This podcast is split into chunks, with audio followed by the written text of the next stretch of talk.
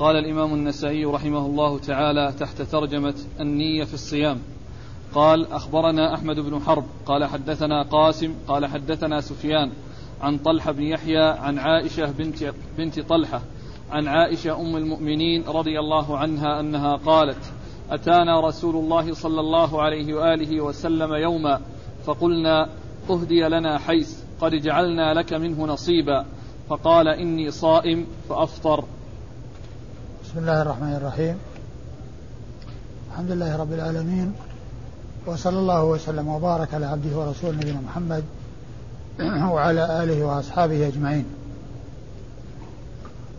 أما بعد فقد سبق للنسائي رحمه الله أن ذكر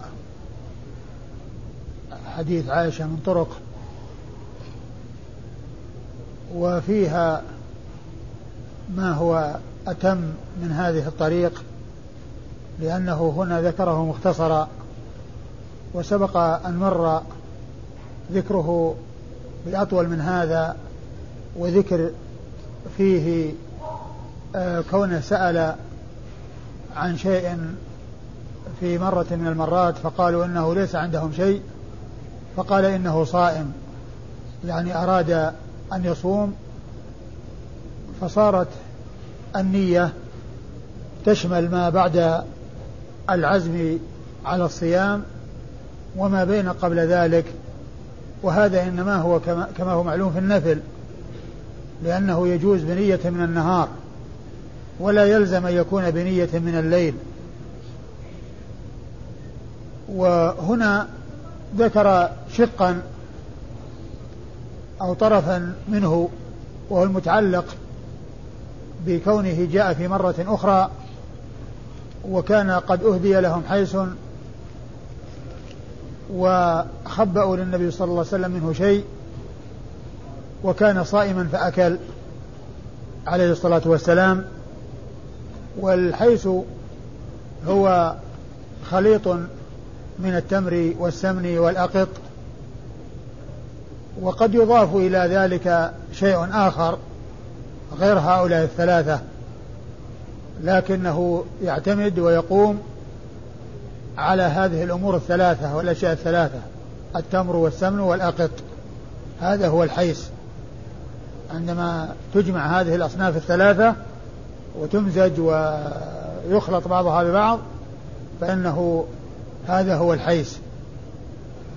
وقد ذكر ذلك الحافظ بن حجر في فتح الباري وذكره غيره وأنا قد ذكرت هذه الفائدة ضمن الفوائد المنتقاة من فتح الباري وهي الفائدة رقم 602 فإن فيها بيان الحيس وأنه يشتمل على هذه الأصناف الثلاثة التي هي التمر والسمن والآقط. الحاصل أن الحديث يدل من طرقه المتعددة يدل على أن صيام النفل يجوز بنية من النهار وأنه لا يلزم أن تبيت فيه النية من الليل بل لو أصبح غير آكل شيئا ثم أراد أن ينوي وأراد أن يصوم فإنه يصوم ويمكنه ذلك ولو لم توجد النية قبل طلوع الفجر. لهذا الحديث الذي جاء من طرق عديدة عن رسول الله صلى الله عليه وسلم وفيه أنه عزم على الصيام في أثناء النهار. الإسناد قال أخبرنا أحمد بن حرب. أخبرنا أحمد بن حرب المروزي وهو صدوق.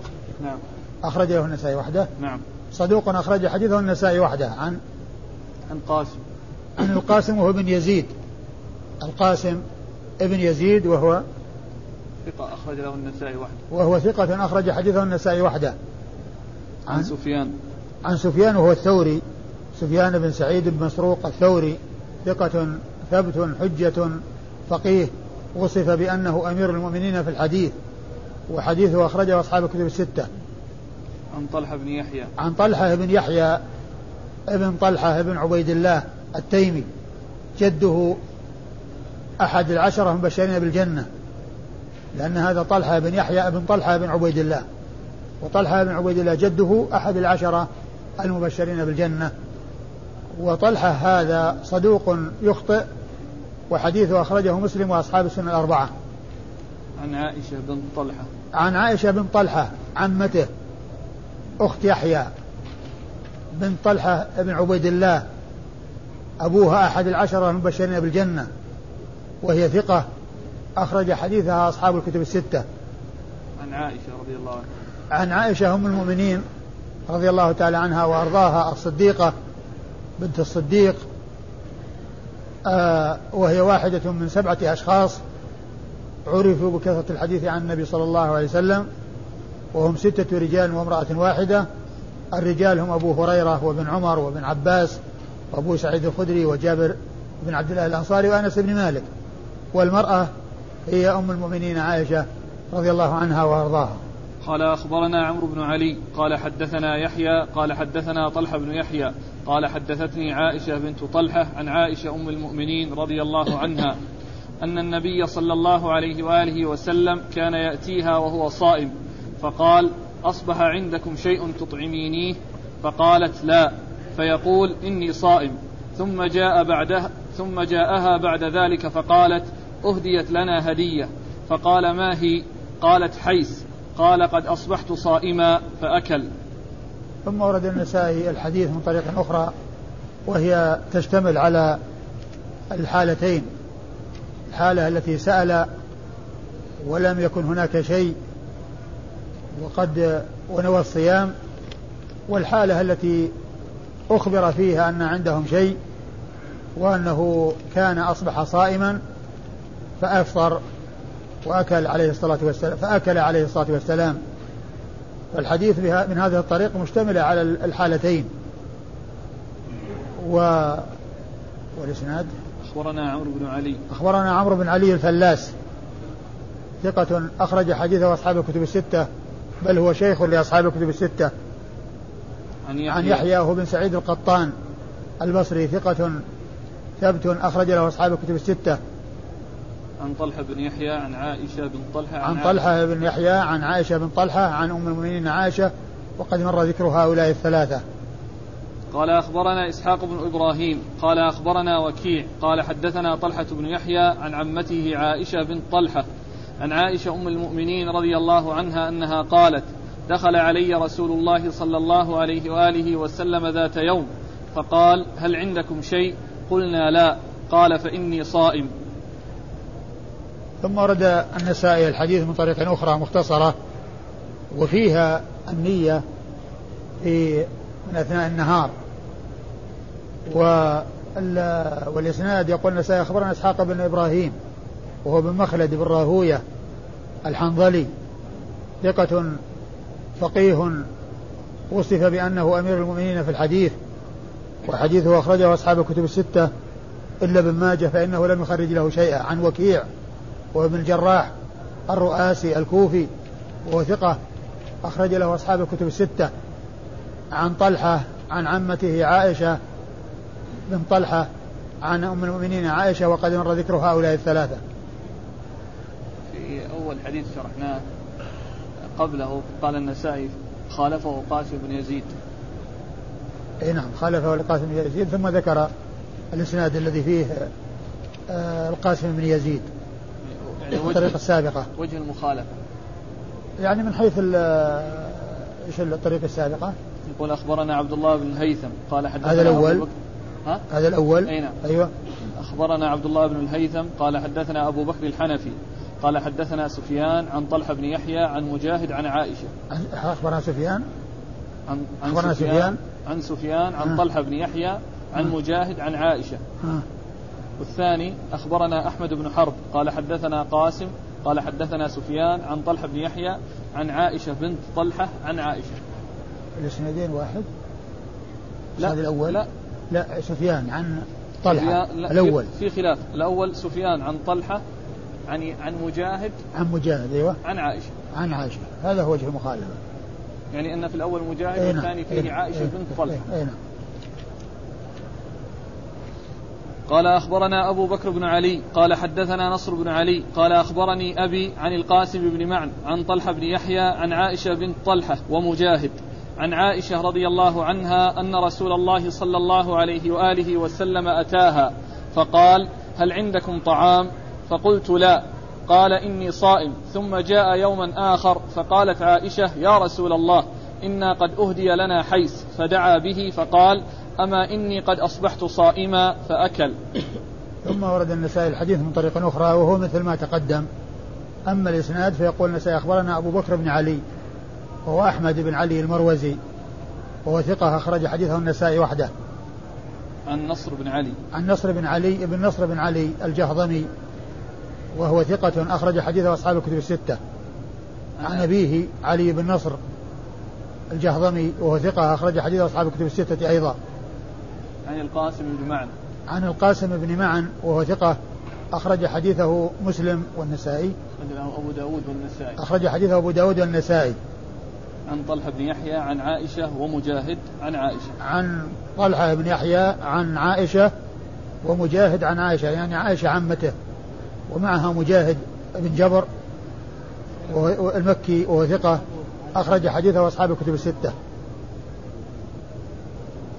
قال أخبرني عمرو بن يحيى بن الحارث قال حدثنا المعافى بن سليمان قال حدثنا القاسم عن طلحة بن يحيى عن مجاهد وأم كلثوم أن رسول الله صلى الله عليه وآله وسلم دخل على عائشة رضي الله عنها فقال هل عندكم طعام؟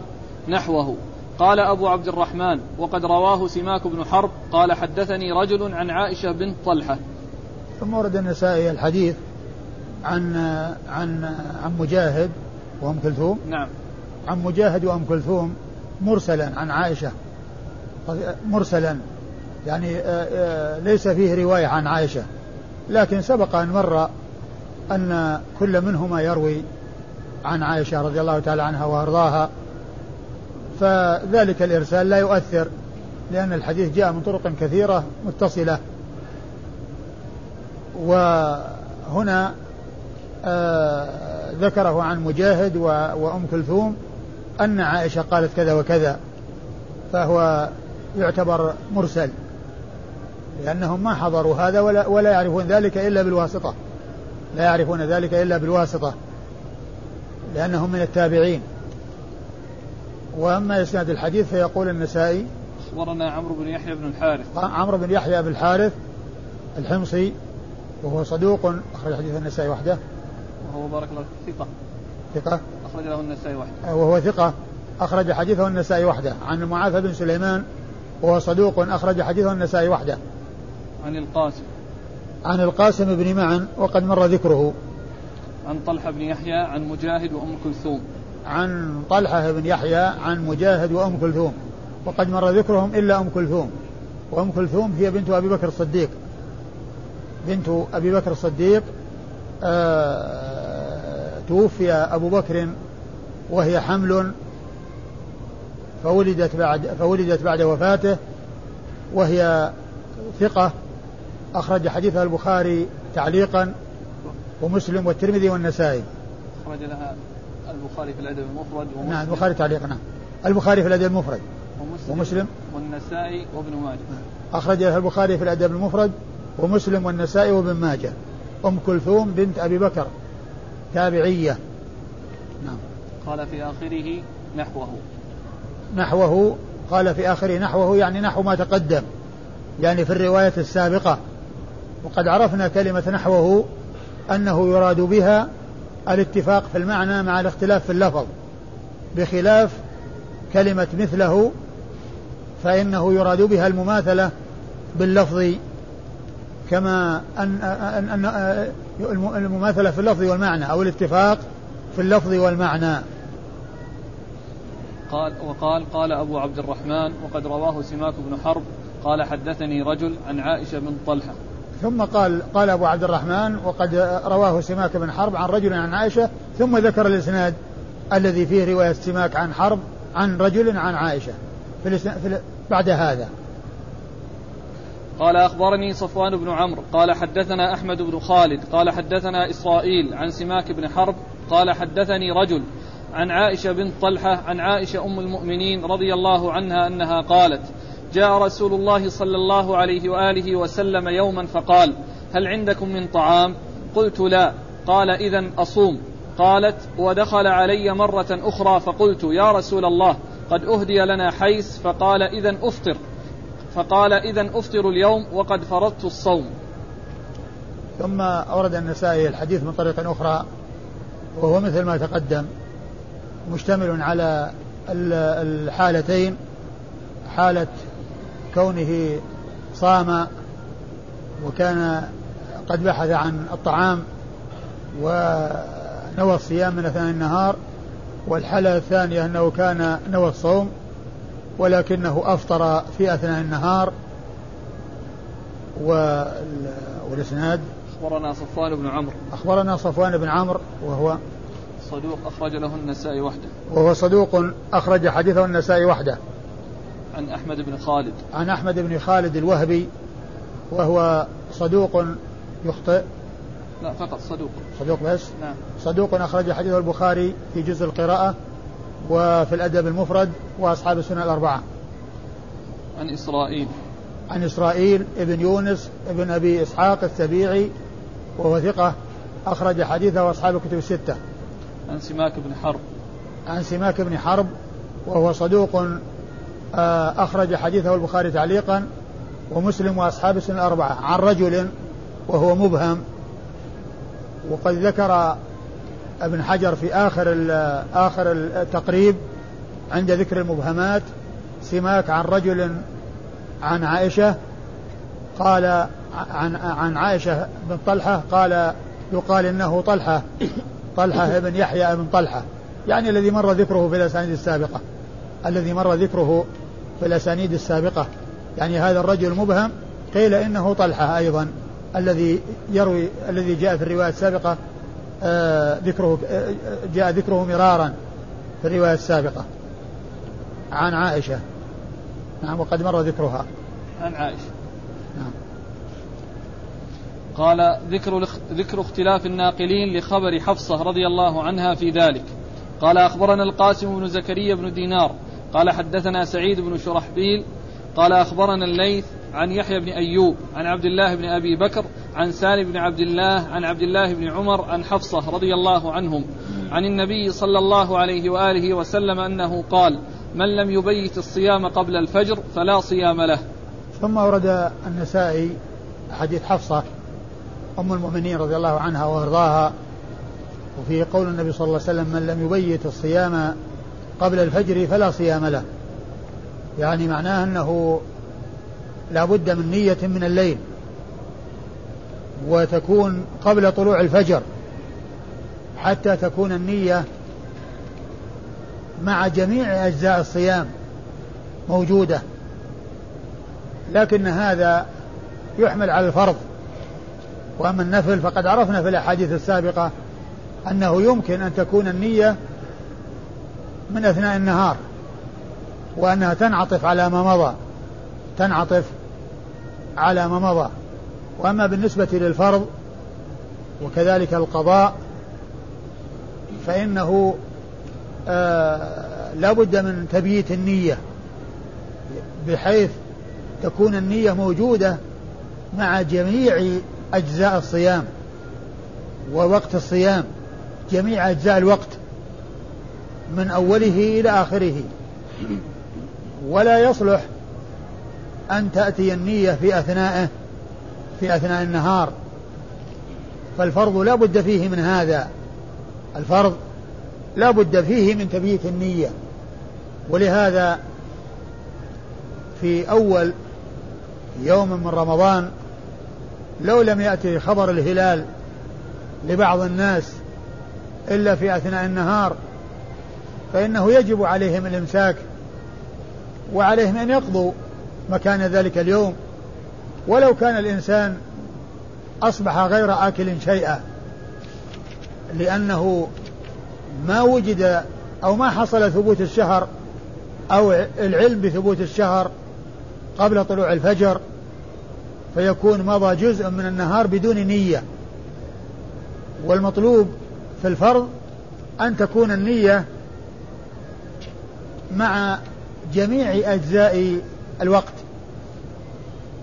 فالحديث يقول لا, لا صيام لمن لم يبيت النية قبل الفجر. وهذا كما هو معلوم يحمل على الفرض. وأما النفل قد مر فيه الحديث المتقدم. والنسائي فيما تقدم ذكر النية في الصيام وأطلقها. ثم ورد الأحاديث التي فيها أن النية تكون من أثناء النهار. ثم أتى بأحاديث الأحاديث أو الحديث الذي جاء من طرق أن النية تكون من في الليل وأنها لا تكون بعد طلوع الفجر. ولكن هذا كما قلت يحمل على الفرض لا على النفل. لأن النفل جاء ما يدل على أنها يمكن أن تكون من أثناء النهار. قال أخبرنا القاسم بن زكريا بن دينار. أخبرنا القاسم بن زكريا بن دينار وهو ثقة أخرج له مسلم والترمذي والنسائي وابن ماجه. وهو ثقة أخرج حديثه مسلم والترمذي والنسائي وابن ماجه. عن سعيد بن شرحبيل. عن سعيد بن شرحبيل. وهو إيش؟ صدوق أخرج له البخاري والنسائي وابن ماجه. وهو صدوق أخرجه البخاري والنسائي وابن ماجه. عن الليث. عن الليث بن سعد المصري ثقة فقيه أخرج حديثه أصحاب الكتب الستة. عن يحيى بن أيوب. عن يحيى بن أيوب الغافقي المصري وهو صدوق يخطئ وحديثه أخرجه مسلم وأصحاب السنن. أخرجه أصحاب الكتب. وحديثه أخرجه أصحاب الكتب الستة. أخرج حديثه أصحاب الكتب الستة. عن عبد الله بن أبي بكر. عن عبد الله بن أبي بكر بن محمد بن عمرو بن حزم. وهو ثقة. أخرج حديثه أصحاب الكتب الستة. عن سالم بن عبد الله. عن سالم بن عبد الله بن عمر بن الخطاب. وهو ثقة فقيه. أخرج له أصحاب الكتب الستة. وهو أحد الفقهاء السبعة في المدينة في عصر التابعين على أحد الأقوال الثلاثة في السابع منهم. عن عبد الله بن عمر. عن عبد الله بن عمر بن الخطاب آه، صاحب رسول الله صلى الله عليه وسلم وأحد العبادلة الأربعة من أصحابه الكرام وهم عبد الله بن عمر وعبد الله بن عباس وعبد الله بن الزبير وعبد الله بن عمرو بن العاص. وأحد السبعة المعروفين بكثرة الحديث عن النبي صلى الله عليه وسلم. عن حفصة. عن حفصة أم المؤمنين رضي الله تعالى عنها وأرضاها وحديثها أخرجه أصحاب الكتب الستة. قال أخبرنا عبد الملك بن شعيب بن الليث بن سعد قال حدثني أبي عن جدي قال حدثني يحيى بن أيوب عن عبد الله بن أبي بكر عن ابن شهاب عن سالم عن عبد الله عن حفصة رضي الله عنهما عن النبي صلى الله عليه وآله وسلم أنه قال من لم يبيت الصيام قبل الفجر فلا صيام له. ثم ورد النسائي الحديث من طريق أخرى وهو مثل ما تقدم. وأما الإسناد فيقول النسائي أخبرنا عبد الملك بن شعيب. أخبرنا عبد الملك بن شعيب بن الليث عن أبيه عن جده. وعبد الملك بن شعيب آه، آه، ثقة أخرج حديثه آه، مسلم والنسائي وابن ماجه. وأبو داود مسلم وأبو داود النسائي مسلم وأبو داود النسائي ثقة أخرج حديثه مسلم وأبو داود والنسائي. عن أبيه شعيب وهو ثقة أيضا أخرج له مسلم وأبو داود والنسائي.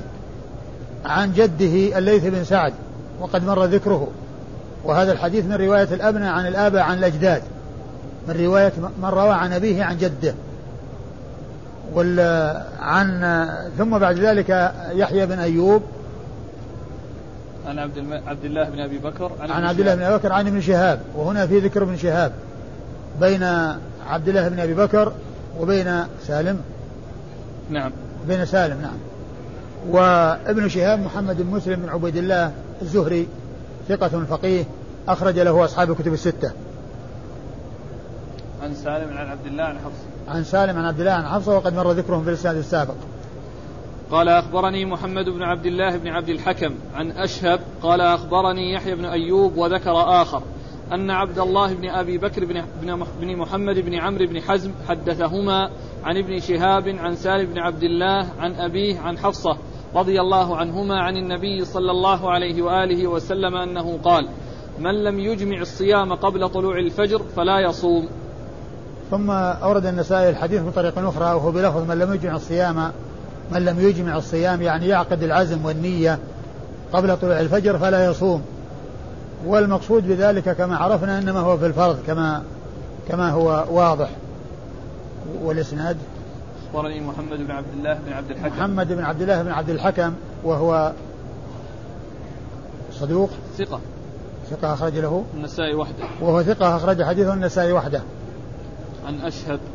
عن أشهب بن عبد العزيز وهو ثقة, ثقة. أخرج له أبو داود والنسائي. وهو ثقة أخرج حديثه أبو داود والنسائي.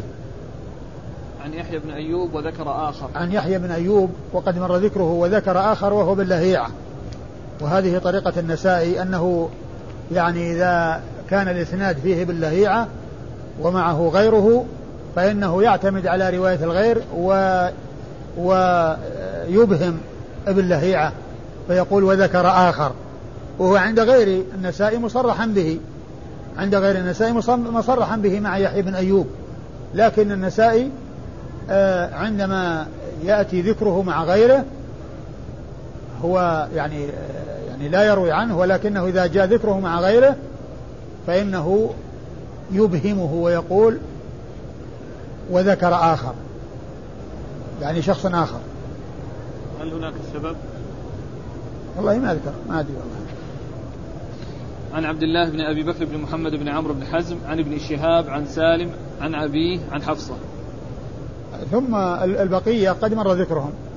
عبد الله بن محمد عبد الله بن أبي بكر بن محمد بن عمرو حزم عن ابن شهاب. عن ابن شهاب عن أبيه عن عن سالم عن أبيه عن حفصة وقد مر ذكرهم. قال أخبرنا أحمد بن الأزهر. قال حدثنا عبد الرزاق عن ابن جريج عن ابن شهاب عن سالم عن ابن عمر عن حفصة. رضي الله عنهم أن النبي صلى الله عليه وآله وسلم قال من لم يبيت الصيام من الليل فلا صيام له. ثم أورد الحديث من طريق أخرى وهو مثل ما تقدم والإسناد أخبرنا أحمد بن الأزهر وهو صدوق أخرج له النسائي وابن ماجه. وهو صدوق أخرج حديثه النسائي وابن ماجه. عن و... عن عبد الرزاق. عن عبد الرزاق بن همام الصنعاني ثقة أخرج له أصحاب الكتب الستة. ابن جريج عن ابن جريج عبد الملك بن عبد العزيز بن جريج المكي وهو ثقة يرسل ويدلس وحديثه أخرجه أصحاب الكتب الستة. عن ابن شهاب عن سالم عن ابن عمر عن حفصة. عن ابن شهاب عن سالم عن ابن عمر عن حفصة وقد مر ذكرهم.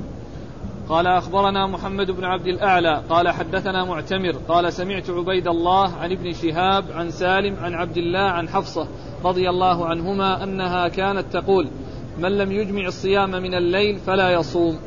ثم ورد النسائي من طريق أخرى ولكنه موقوف على حفصة من كلامها. يعني قالت من لم يجمع الصيام من الليل فلا يصوم. فهنا موقوف عليها وما مر مرفوعا إلى رسول الله صلى الله عليه وسلم من طريقها. والإسناد؟ أخبرنا محمد بن عبد الأعلى. أخبرنا محمد بن عبد الأعلى الصنعاني وهو ثقة أخرج حديثه مسلم وأبو داود في القدر والترمذي والنسائي وابن ماجه. عن معتمر. عن معتمر بن سليمان بن طرخان التيمي وهو ثقة أخرج حديثه أصحاب الكتب الستة. عن عبيد الله. عن عبيد الله وهو بن عمر ابن حفص بن عاصم بن عمر بن الخطاب الذي يقال له العمري المصغر تمييزا له عن أخيه عبد الله ابن عمر المكبر وهذا ثقة وذاك ضعيف. المصغر الذي معنا عبيد الله ثقة وعبد الله بن عمر المكبر ضعيف. وحديثه أخرجه أصحاب الكتب الستة. عن ابن شهاب عن سالم عن عبد الله عن حفصة. عن ابن شهاب عن سالم عن عبد الله عن حفصة وقد مر ذكرهم. قال أخبرنا الربيع بن سليمان قال حدثنا ابن وهب قال أخبرنا يونس عن ابن شهاب أنه قال أخبرني حمزة بن عبد الله بن عمر عن أبيه أنه قال قالت حفصة زوج النبي صلى الله عليه وآله وسلم لا صيام لمن لم يجمع قبل الفجر. ثم ورد النسائي الحديث من طريق أخرى ولكنه موقوف أيضا على حفصة رضي الله عنها وهو مثل ما تقدم وأما الإسناد قال الربيع بن سليمان. أخبر ربيع بن سليمان وهو يحتمل المرادي والجيزي وكل منهما ثقة وكل منهما روى عنه النسائي وكل منهما يروي عن ابن وهب. و آه، عن عن ابن وهب. عن ابن وهب عبد الله بن وهب ثقة فقيه أخرج حديث أصحاب الكتب الستة. عن يونس. عن يونس بن يزيد الأيلي ثم المصري وهو ثقة أخرج حديث أصحاب الكتب الستة. عن ابن شهاب عن حمزة بن عبد الله بن عمر. عن ابن شهاب عن حمزة. بن شهاب مر ذكره عن حمزة بن عبد الله بن عمر وهو ثقة أخرج حديثه أصحاب الكتب الستة. وهو شقيق سالم. هو شقيق سالم. نعم. عن أبيه عن حفصة. عن أبيه عن حفصة وقد مر ذكرهما. قال أخبرنا زكريا بن يحيى قال حدثنا الحسن بن عيسى قال أخبرنا ابن المبارك قال قال أخبرنا معمر عن الزهري عن حمزة بن عبد الله عن عبد الله بن عمر عن حفصة رضي الله عنهم أنها قالت لا صيام لمن لم يجمع قبل الفجر. ثم ورد النسائي الحديث من طريق أخرى موقوفا على حفصة وهو مثل ما تقدم وأما الإسناد أخبرنا يحيى بن زكريا. زكريا بن زكريا بن يحيى وهو السجزي وهو ثقة. أخرج حديثه. النسائي وحده. أخرج حديثه النسائي وحده. عن الحسن بن عيسى. عن الحسن بن عيسى. وإيش فيه؟ وهو ثقة أخرج له مسلم وأبو داود والنسائي. وهو ثقة أخرج حديثه مسلم وأبو داود والنسائي. عن ابن المبارك. عن ابن المبارك عبد الله بن المبارك المروزي ثقة. أخرج له أصحاب الكتب الستة. عن معمر. عن معمر بن راشد الأزدي البصري ثم ثم اليماني شيخ عبد الرزاق بن همام وهو ثقة أخرج حديثه أصحاب الكتب الستة. عن الزهري عن حمزة بن عبد الله عن عبد الله عن حفصة. عن الزهري عن حمزة عن عن عبد الله عن حفصة وقد مر ذكرهم. قال أخبرنا محمد بن حاتم قال أخبرنا حبان قال أخبرنا عبد الله عن سفيان بن عيينة ومعمر عن الزهري عن حمزة بن عبد الله بن عمر عن أبيه عن حفصة رضي الله عنهم أنه قال أنها قالت لا صيام لمن لم يجمع الصيام قبل الفجر. ثم ورد النسائي الحديث من طريق أخرى موقوفا على حفصة وهو مثل ما تقدم والإسناد أخبرنا محمد بن حاتم وهو بن نعيم. آه المروزي ثقة أخرج حديثه النسائي وحده. عن حبان. عن حبان بن موسى وهو ثقة أخرج حديثه البخاري ومسلم والترمذي والنسائي. عن عبد الله. عن عن عن عبد الله وهو ابن المبارك وقد مر ذكره. عن سفيان بن عيينة ومعمر. عن سفيان بن عيينة المكي الهلالي وهو ثقة أخرج حديثه أصحاب الكتب الستة ومعمر مر ذكره. عن الزهري عن حمزة بن عبد الله عن أبيه عن حفصة. عن الزهري عن حمزة بن عبد الله عن أبيه عن حفصة وقد مر ذكر الأربعة. قال أخبرنا إسحاق بن إبراهيم قال حدثنا سفيان عن الزهري عن حمزة بن عبد الله بن عمر عن حفصة رضي الله عنها أنها قالت لا صيام لمن لم يجمع الصيام قبل الفجر. ثم هذا مثل ما تقدم وهو موقوف عليها. والإسناد يقول أخبرنا إسحاق بن إبراهيم. نعم. إسحاق بن إبراهيم بن راهوية وقد مر ذكره. عن سفيان عن الزهري. عن سفيان وهو بن عيينة وقد مر ذكره. عن الزهري عن حمزة بن عبد الله عن حفصة. عن الزهري عن حمزة بن عبد الله عن حفصة وقد مر ذكرهم. قال أخبرنا أحمد بن حرب قال أخبرنا سفيان عن الزهري عن حمزة بن عبد الله عن حفصة رضي الله عنها أنها قالت لا صيام لمن لم يجمع الصيام قبل الفجر أرسله مالك بن أنس. ثم ثم أورد النسائي الحديث من طريق أخرى عن حفصة موقوفا عليها وهو مثل ما تقدم والإسناد. أخبرنا أحمد بن حرب. أحمد بن حرب المروزي وهو صدوق أخرج له النسائي وحده. وهو صدوق أخرج حديثه النسائي وحده. عن سفيان عن الزهري عن حمزة بن عبد الله عن حفصة. عن سفيان عن الزهري عن حمزة عن حفصة وقد مر ذكرهم. قال في آخره أرسله مالك بن أنس. ثم قال أرسله مالك بن أنس وأورد الحديث بعد ذلك. أورد الإسناد الذي فيه ذكر مالك في الإسناد الذي بعده مباشرة. قال قال الحارث بن مسكين قراءة عليه وأنا أسمع. عن ابن القاسم قال حدثني مالك عن ابن شهاب عن عائشة وحفصة رضي الله عنهما مثله لا يصوم إلا من أجمع الصيام قبل الفجر.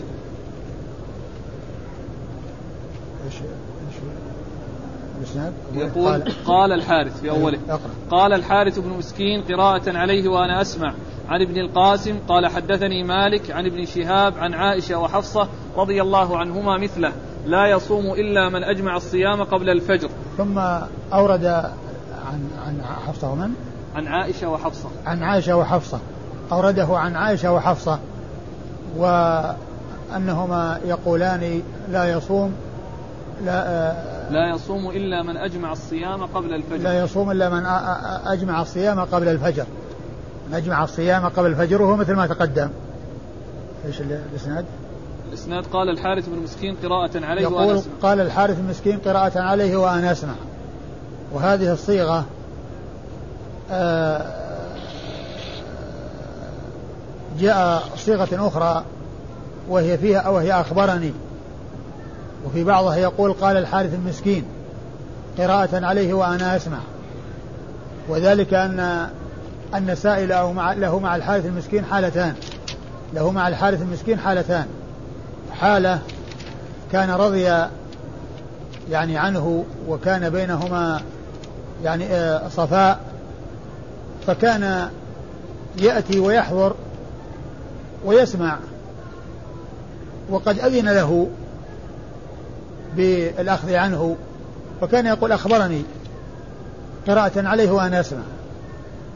وفي بعض الأحوال كان جرى بينهما شيء فكان لا يأذن له أن يأتي في حلقته فكان يجلس من وراء ستار ويسمع ويروي ولكنه لا يقول أخبرني في هذه الصورة بل يقول قال الحارث المسكين قراءة عليه وأنا أسمع لأن كلمة أخبرني يعني فيها أنه أذن له أنه تحمل منه أو حمله. وهو يخبر بالواقع لأنه ما كان أذن له في تلك الحال. فكان يفرق بين ما أذن له فيه يقول أخبرني الحارث المسكين وبين ما لم يؤذن فيه يقول قال الحارث المسكين قراءة عليه وأنا أسمع. قال الحارث المسكين قراءة عليه وأنا أسمع.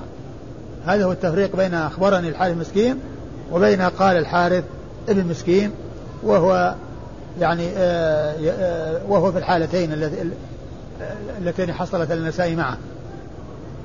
والحارث المسكين هو المصري ثقة أخرج حديثه أبو داود والنسائي. عن ابن القاسم. عن ابن القاسم عبد الرحمن بن القاسم المصري وهو ثقة أخرج حديثه البخاري وأبو داود في المراسيل والنسائي. عن مالك بن أنس إمام دار الهجرة محدث الفقيه الإمام المشهور أحد أصحاب المذاهب الأربعة المشهورة من مذاهب أهل السنة. وقد قال عنه الحافظ بن حجر قال رأس المتقنين رأس المتقنين. يعني معناه أنه آآ آآ متمكن في الإتقان ومتقدم فيه على غيره. وحديثه أخرجه أصحاب الكتب الستة. عن عن ابن شهاب عن عائشة وحفصة. عن ابن شهاب وقد مر ذكره عن عائشة. عن عائشة وحفصة. عن عائشة وحفصة. إيش بعده؟ انها قالت يعني مثله لا يصوم إلا يعني من قولهما. يعني معناه أنه من قولهما. فقوله في السابق أرسله مالك بن أنس. أرسله مالك بن يعني معناه من رواية الزهري. يعني كأنه يعني عن عائشة دون إيه. واسطة. اي نعم. طيب أحسن الله إليك. في الإسناد الذي قبله قلت أحمد بن حرب قلت بارك الله فيك المروزي. وهو إيش؟ اللي الموصلي. عندنا في التقريب الموصلي. الموصلي؟ نعم. الموصلي نعم. خطأ. المروزي خطأ هو الموصلي. قال أخبرنا محمد وهذا الإرسال يعني على الطريقة الأخرى التي هي أعم من كون التابع يضيفه إلى الرسول صلى الله عليه وسلم. يعني بل رواية الراوي عمن لم يلقه أو لم يدرك عصره فهذا إرسال ولهذا يأتي يرسل ويدلس في أناس متأخرين. يرسل ويدلس. يعني والإرسال يكون ظاهرا ويكون خفيا فالإرسال الظاهر هو كون الإنسان يروي عمن لم يدرك عصره بينه وبينه سنين. يعني مات هذا قبل أن يولد هذا ويروي عنه. فهذا قال إرسال. ويكون خفيا إرسال خفي فيما إذا عاصره ولم يسمع منه لأن هذا فيه احتمال السماع لأنه مدرك عصره ولهذا يقال إرسال خفي. والإرسال الجلي هو كونه يعني ما أدرك عصره. أمره واضح فيه انقطاع. وقد مر أن هشيم بن بشير الواسطي كان كثير التدليس والإرسال الخفي. والإرسال الخفي هو رواية الراوي عن عمن عن عمن أدرك عصره ولم يلقه. أدرك عصره ولم يلقه. فالإرسال له معنيان. معنى خاص وهو كون التابع يقول قال رسول الله صلى الله عليه وسلم. ومعنى أعم وهو كون الراوي يروي عمن لم يدرك عصره أو عمن لم يلقه وقد أدرك عصره. نعم. قال أخبرنا محمد بن عبد الأعلى قال حدثنا المعتمر قال سمعت عبيد الله عن نافع عن ابن عمر رضي الله عنهما أنه قال إذا لم يجمع الرجل الصوم من الليل فلا يصم. ثم ورد النسائي الحديث من طريق أخرى ولكنه موقوف على عبد الله بن عمر. موقوف على عبد الله بن عمر وهو مثل ما تقدم. والإسناد أخبرنا محمد بن عبد الأعلى وقد مر ذكره. المعتمر عن معتمر وقد مر ذكره. معتمر بن سليمان. عن عبيد الله. عن عبيد الله بن عمر وقد مر ذكره. عن نافع. عن نافع وهو مولى بن عمر وهو ثقة. أخرج حديث أصحاب الكتب الستة. عن ابن عمر وقد مر ذكره. قال قال الحارث بن مسكين قراءة عليه وأنا أسمع عن ابن القاسم. قال حدثني مالك عن نافع عن ابن عمر رضي الله عنهما أنه كان يقول لا يصوم إلا من أجمع الصيام قبل الفجر. ثم ورد الحديث من طريق أخرى عن ابن عمر وهي وهو موقوف عليه وهو مثل ما تقدم. وفيه مثل ما تقدم قال الحارث المسكين. يعني أنه مما سمعه منه أو حضره في حال آه، منعه إياه من أن أن يحضر حلقته وأن يحضر مجلسه فكان يعبر عن ذلك بغير أخبرني لأنه ما أخبره وما أراده وما أراده يتحمل عنه في ذلك الوقت ولكنه تحمل وذلك سائق عند المحدثين. ولكن النسائي كان يعبر بهذه العبارة وهو يدل على دقته وعلى يعني آه، احتياطه وتحرزه. فكان لا يعبر بأخبرني في مثل هذه الصورة لأنه ما أراد إخباره وتحديثه نعم. عن الحارث بن مسكين عن ابن القاسم عن ابن القاسم عن مالك وقد مر ذكرهم. عن عن نافع عن ابن عمر. عن نافع عن ابن عمر وقد مر ذكر الجميع. قال صوم نبي الله داود عليه والله السلام. تع... والله تعالى أعلم وصلى الله وسلم وبارك على عبده ورسوله نبينا محمد وعلى آله وأصحابه أجمعين.